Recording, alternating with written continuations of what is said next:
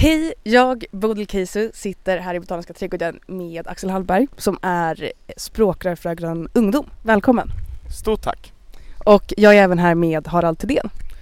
Vi tänkte inleda med att fråga vad du gör på Grön Ungdom. Vad innebär det att vara språkrör i, i ett ungdomsförbund? Vi är ju eh, två stycken språkrör, vi har ett delat ledarskap och eh, vi har egentligen eh, två eh, huvudsakliga ansvarsområden. Vi har dels eh, huvudansvaret för, eh, för politiken. Eh, vi sitter med i Miljöpartiets riksdagsgrupp eh, och har en viktig roll i att påverka Miljöpartiet i den riktningen som, som vi vill och som Grön Ungdoms medlemmar och unga människor vill. Och den andra är att vi har det huvudsakliga ansvaret för den externa kommunikationen. Alltså vi tar mycket debatter, syns mycket i media, kommenterar saker också här i Almedalen eh, såklart. Så det är de två viktigaste eh, områdena, att vi är helt enkelt ansiktena utåt. Och sen har vi en eh, sammankallande som leder styrelsens arbete och har det huvudsakliga organisatoriska ansvaret. I vissa partier och vissa ungdomsförbund så är det ju en och samma person, en ordförande. Men jag tycker att det är väldigt bra att vi har delat upp det på det sättet. Är det roligt att vara språkrör? Det är fantastiskt roligt. Jag tycker att det absolut roligaste är när jag får åka runt i våra avdelningar och, och, träffa våra medlemmar och lyssna på vad de brinner för, varför de har gått med i Grön Ungdom och hur de vill vara med eh, och kämpa för klimat och medmänsklighet. Det tycker jag är fantastiskt roligt. Men också att, att hela tiden få vara ute och prata eh, politik med, med unga på skolor och i debatter och så. Och det märks väldigt tydligt tycker jag att det finns ett så enormt stort engagemang hos unga. Hur tror du att man kan få fler ungdomar engagerade i politiken? För att i ett DN-reportage nyligen så kom det fram att det är väldigt många ungdomar som är engagerade politiskt men inte partipolitiskt. Hur kan man få in fler medlemmar i förbunden? Ja exakt så är det ju. Vi ser att partierna har historiskt låga medlemsantal och samtidigt så är eh, unga mer intresserade av politiken någonsin. Och, och jag kan inte se det som någonting annat än ett väldigt stort misslyckande för partipolitiken. Alltså när unga blir mer och mer intresserade då har vi faktiskt misslyckats med att eh, locka dem in i partipolitiken. Jag tror att vi måste såklart synas och höras. Eh, prata eh, med ungdomar på ett sätt som, som de vill om vad de tycker är viktigt. Men jag tror också att vi måste våga lyfta de riktigt stora frågorna. Jag tror att många unga upplever att politiken är, är tjafsig, bråkar om saker som egentligen inte är viktiga. Och då tror jag att vi har ett enormt stort ansvar i att prata om de frågorna som verkligen är viktiga för vår framtid. Om klimatfrågan som kommer att avgöra vår generations framtid. Om medmänsklighet, vilket samhälle vi egentligen vill ha, hur vi vill se på varandra. Jag tror att många unga eh, suktar efter politiker som verkligen vågar prata om visioner och vart de vill. Eh, men hur ska ni rent praktiskt få in de här ungdomarna i eh, partipolitiken? Hur ska ni få fler medlemmar i ert ungdomsförbund? Ja rent praktiskt ska vi ju vara ute och värva så mycket som möjligt. Vi är ute på, på skolor hela tiden. Den här eh, sommaren åker vi runt på olika festivaler, har en festivalturné där vi pratar politik med unga. Jag tror att vi är på 17-18 festivaler eh, runt om i Sverige, eh, från Umeå till Malmö. Så att det är klart att eh, det vi gör rent praktiskt är att vara ute och träffa unga så mycket som möjligt och vara där unga är. Men jag tror att vi också verkligen måste fundera på vad är det vi säger och där tror jag att väldigt många unga längtar efter en visionär politik. Så vilka är de tre viktigaste frågorna för Grön Ungdom? Vi har två prioriterade frågor. Eh, den ena är klimatet och det handlar om att vi måste minska våra utsläpp väldigt snabbt för att klara klimatutmaningen. Vi ser idag att väldigt många unga anstränger sig hårt för att eh, leva hållbart. Man försöker kanske resa hållbart, man försöker göra rätt val i mataffären men det är väldigt svårt när vi faktiskt lever i ett system som inte är byggt för det. Och där är det ju politikens ansvar att se till att det som är bra för klimatet, det ska vara billigt, enkelt, gå snabbt.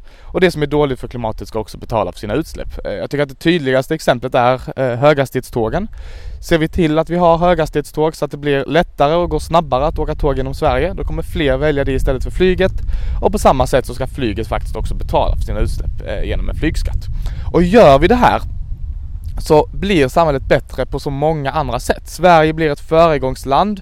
Det är bra för svensk eh, industri att vi är de första som verkligen eh, vågar satsa på ny miljöteknik. Vi blir en föregångare i världen. Det är såklart också en, en global rättvisefråga. Alltså jag tycker att det vi släpper ut här i rika länder, det ska vi betala för. Alternativet är ju att fattiga länder får betala för det i form av torka, i form av extremt väder och så vidare.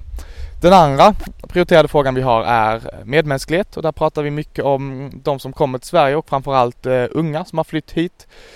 Vi har ju till exempel tagit fighten för att eh, de unga som kom eh, 2015 eh, från Afghanistan framförallt skulle få stanna. Eh, den fighten tog vi på Miljöpartiets kongress eh, och vann den. Sen tog Miljöpartiet den i regering och fick igenom sin politik och nu är det eh, en ny lag, den så kallade ensamkommandelagen som ger 9000 ungdomar möjlighet att stanna. Men såklart också att när man kommer till Sverige så ska man få bli en del av samhället. Man ska få inkluderas i samhället. Kommer man till Sverige idag så finns det otroligt många hinder på vägen. Det är svårt att få ett första jobb. Det kan vara svårt att lära sig svenska och skaffa nya vänner. Det är svårt att ta sig in på bostadsmarknaden. Och där har vi i politiken ett jättestort ansvar i att riva de hinder som idag finns. Hur ska man få sitt första jobb då? Är ni först tänkta ingångslöner eller vad, vad driver ni för politik där? Nej, jag tror inte att sänkta ingångslöner eh, är en bra idé. Det finns jättemånga andra sätt eh, att se till att fler kan få ett första jobb. Jag tror att eh, vi måste göra två saker. Det första är att skapa jobb inom framförallt tjänstesektorn. Vi vill ha en lägre moms på tjänster så att fler konsumerar tjänster istället för prylar. Det är ju dels klimatsmart för att tjänster inte släpper ut. Men det skapar faktiskt också jobb på kanske frisörsalonger, på, hos en cykelreparatör, på ett café som faktiskt unga och nyanlända kan ta som kanske inte har universitetsutbildning. Men det andra vi ser idag i Sverige är att det finns väldigt många jobb. Det finns otroligt många jobb. Företagen skriker efter kompetens. Och då är såklart utmaningen också att se till att dels att de som står utanför arbetsmarknaden får den kompetensen genom utbildning. Men också att, i att ha en bättre matchning. Att de som faktiskt har kompetens och vill jobba lättare ska kunna få ett jobb. Har vi fortfarande tid att rädda klimatet eller är det för sent? Vi har tid att rädda klimatet. Eh, många pekar ju på eh, 2020 eh, som ett väldigt viktigt år att börja vända de globala utsläppen eh, neråt. Men det kommer att krävas ett otroligt stort eh, politiskt mod. Det kommer det göra och det kommer att krävas att länder som eh, Sverige eh, går före och faktiskt visar vägen. Nu har vi världens mest ambitiösa klimatmål. Jag hade velat att de skulle vara ännu mer ambitiösa, men vi har ändå världens mest ambitiösa klimatmål. Vi har en klimatlag på plats, vi har en flygskatt på plats, vi har otroligt många viktiga styrmedel och när eh, Europas miljöorganisationer rankar EUs länder så kommer Sverige etta. FNs generalsekreterare sa för några veckor sedan att Sverige har antagligen världens bästa klimatpolitik och när jag tänker på det här valet så är det verkligen det här det handlar om. Alltså, jag känner mig eh, faktiskt inte ett dugg nervös för att vi ska trilla ur riksdagen eller, eller något liknande utan jag känner mig genuint väldigt, väldigt orolig för att vi ska få eh, en regering eh, som struntar i klimatet och som eh, för en politik för ökade utsläpp. Just för att 2020 är ett så otroligt viktigt år. Men då om du imorgon skulle komma in i riksdagen och ni skulle få egen majoritet, vad skulle du vilja göra för att ha ännu fler ambitiösa mål? Vad skulle du, du genomföra för politik för att få ner våra utsläpp? Det absolut första jag skulle göra hade varit att se till att bygga höghastighetstågen och göra det snabbt, se till att de är eh, färdiga så snart som möjligt och se till att de går snabbt. Eh, det är så otroligt viktigt för att flytta över eh, trafik från flyget men också för att få ett fungerande järnvägsnät i hela landet. Vi behöver en stabil ryggrad. Många av de regionala problem vi ser idag, inte minst i, Skåne men också i andra delar av, av landet, beror på att vi har stambanor som inte fungerar. Så det är bland det absolut viktigaste. Jag tycker att vi skulle eh, höja flygskatten. Den är absolut eh, för låg. Det finns otroligt viktiga eh, saker vi skulle kunna göra. En sak som jag tror kommer vara väldigt viktig för nästa mandatperiod är att också ta mer utsläpp för dem, ta mer ansvar för de utsläpp vi orsakar globalt som kanske inte sker i Sverige men som orsakas av vår konsumtion. Även eh, livsmedelsfrågan eh, när det gäller kött som står för väldigt stor klimatpåverkan.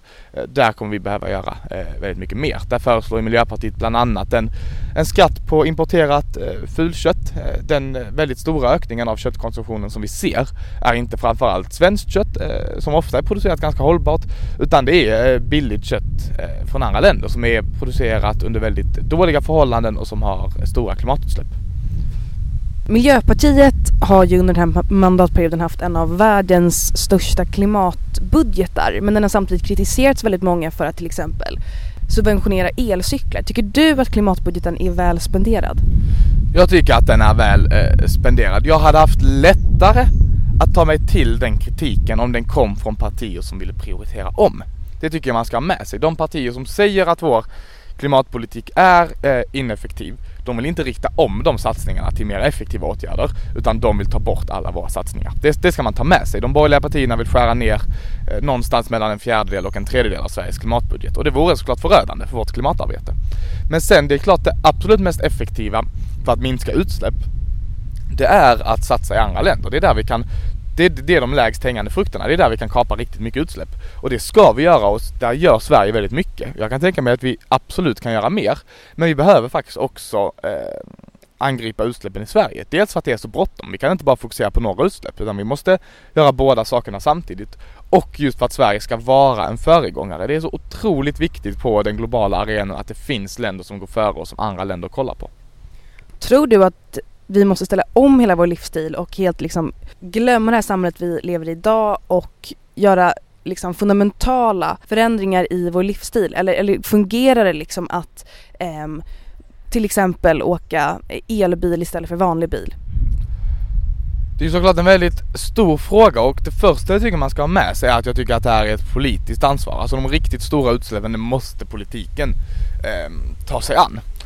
Och det är klart eh, att där kommer det ske väldigt stora eh, förändringar tror jag i hur vi reser.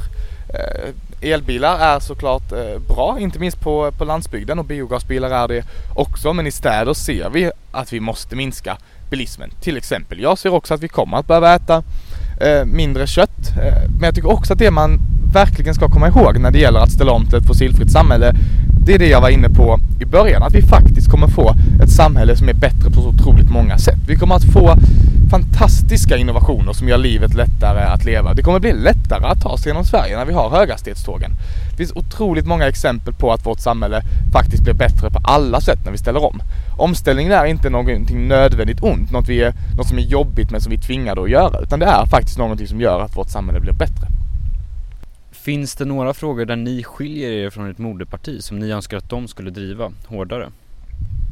Det gör det. Vi, på varje kongress så har vi en kongressombudsgrupp som åker till Miljöpartiets kongress som bestämmer Miljöpartiets politik och där driver på för, för Grön Ungdoms frågor. Den här kongressen senast som var i maj nu 2018 drev vi bland annat på för en tuffare klimatpolitik. Vi drev igenom en höjd flygskatt eh, i valmanifestet.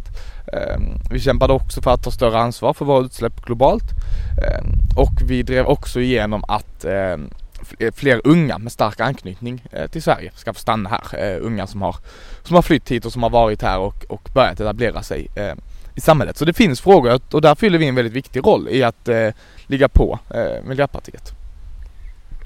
om man talar om den här nya lagen som ska hjälpa flera ensamkommande att stanna här i Sverige.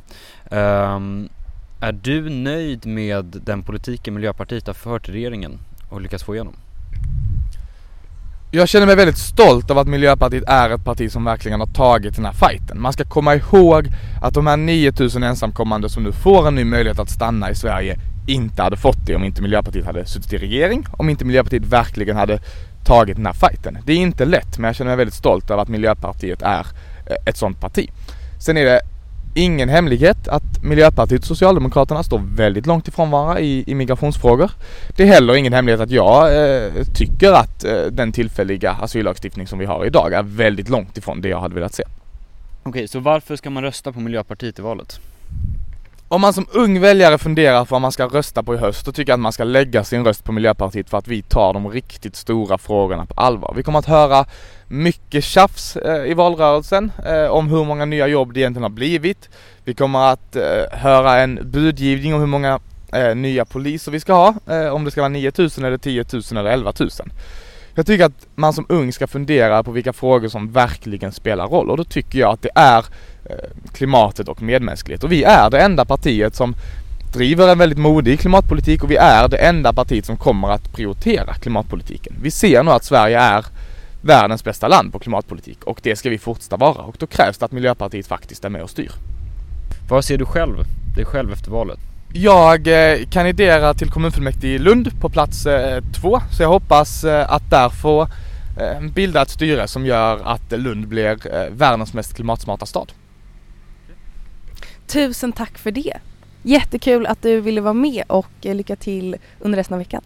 Stort tack!